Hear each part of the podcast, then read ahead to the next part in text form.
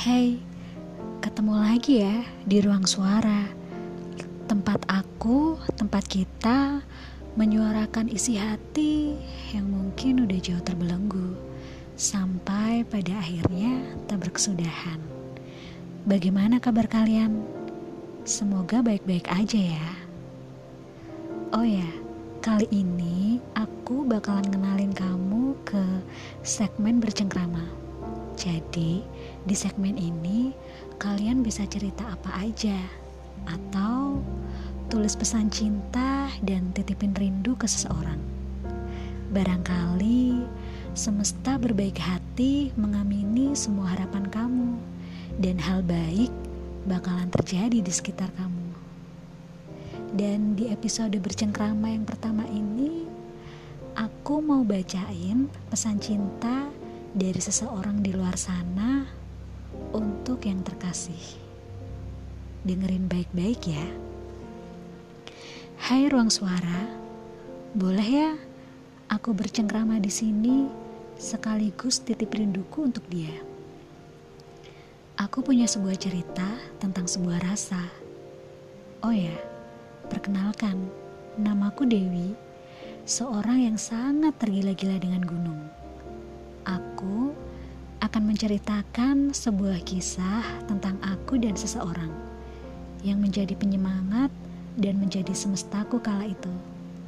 Ya, semestaku dulu. Namanya Jo. Tahun 2017, tak sengaja aku bertemu dengannya di Gunung Andong. Kala itu sedang ada penanaman seribu pohon di sana. Penampilannya mengusik perhatianku. Bagaimana tidak, dia berambut gondrong dan ya khas pendaki-pendaki gitu. Tapi aku tak menyapanya. Lalu beberapa bulan kemudian kami bertemu lagi di Semarang. Dan tak kusangka ternyata dia satu grup WA regional pendaki denganku. Kala itu bulan Ramadan.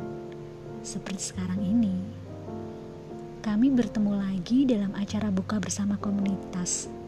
Aku duduk di sampingnya, mencoba pura-pura biasa aja, padahal takut karena tampilannya yang sangar. Tiba-tiba dia mengulurkan tangannya. Hai, boleh kenalan? Anggota baru ya? Begitu katanya. Aku sedikit terkejut, tapi tetap berusaha setenang mungkin. Aku sambut niat baiknya. Iya, aku anggota baru. Namaku Dewi. Kamu? Dia tersenyum lagi. Aku Jo dari Jogja. Setelah perkenalan itu, kami menjadi akrab. Hampir setiap hari kami berkirim pesan. Dan lama-lama ada rasa yang aneh muncul dalam hati. Tiba-tiba ada rasa rindu dan cemas setiap dia tak ada kabar. Apa aku mulai jatuh hati padanya ya? Entahlah. Hingga di tahun 2018 dia datang lagi di Semarang. Kali ini beda penampilannya. Dia tidak lagi berambut gondrong. Waktu itu aku berniat untuk menemuinya setelah pulang kampus bareng teman. Padahal hujan badai. Demi dia, Rasa itu menggebu-gebu. Rindu itu sudah tak terbendung. Lalu, kami bertemu di rumah teman. Kulihat dia, kupandangi dia, seolah tak percaya dia ada. Wajahnya, senyumnya, suaranya, semua tentang dia. Tak bisa kupungkiri bahwa aku benar-benar jatuh hati padanya. Tuhan, jika boleh, waktu bisa terulang saat bersama dia, sungguh aku ingin mengulangnya. Setelah itu, kami lumayan sering bersama di event komunitas, dan rasaku padanya semakin meluap.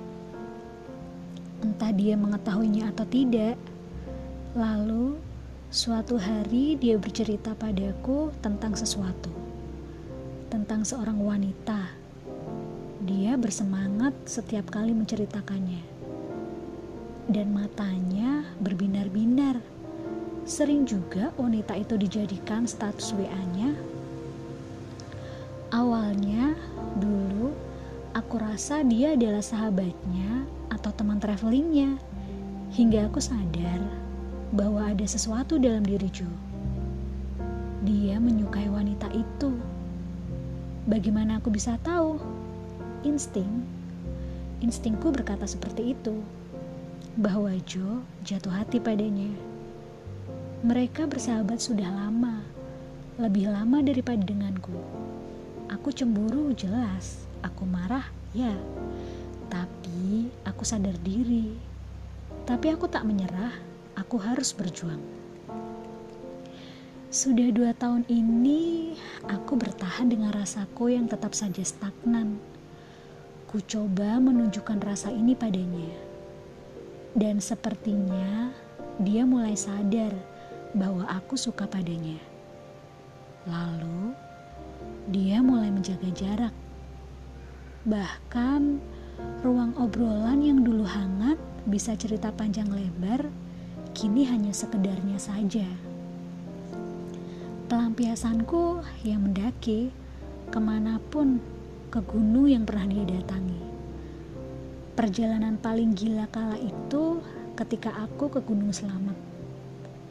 Parah, patah hati, frustasi. Aku bahkan marah pada semesta. Kenapa harus seperti ini? Kenapa aku mencintainya? Yang jelas-jelas dia telah menolak perasaanku. Aku marah. Di puncak, Aku berteriak sekeras mungkin. Kutumpahkan tangisan dan semua rasa yang ada. Berharap semesta mendengarku. Yogyakarta, bulan Juli tahun 2019. Aku dan Ju bertemu di Malioboro. Gila ya, seperti udah putus urat maluku. Di depan mall, kami bertemu setelah setahun tidak saling menyapa. Jantungku masih berdegup kencang tiap kali melihatnya. Rasa cinta itu masih ada. Aku tak percaya dengan apa yang kulihat. Dia berdiri di depanku, tersenyum.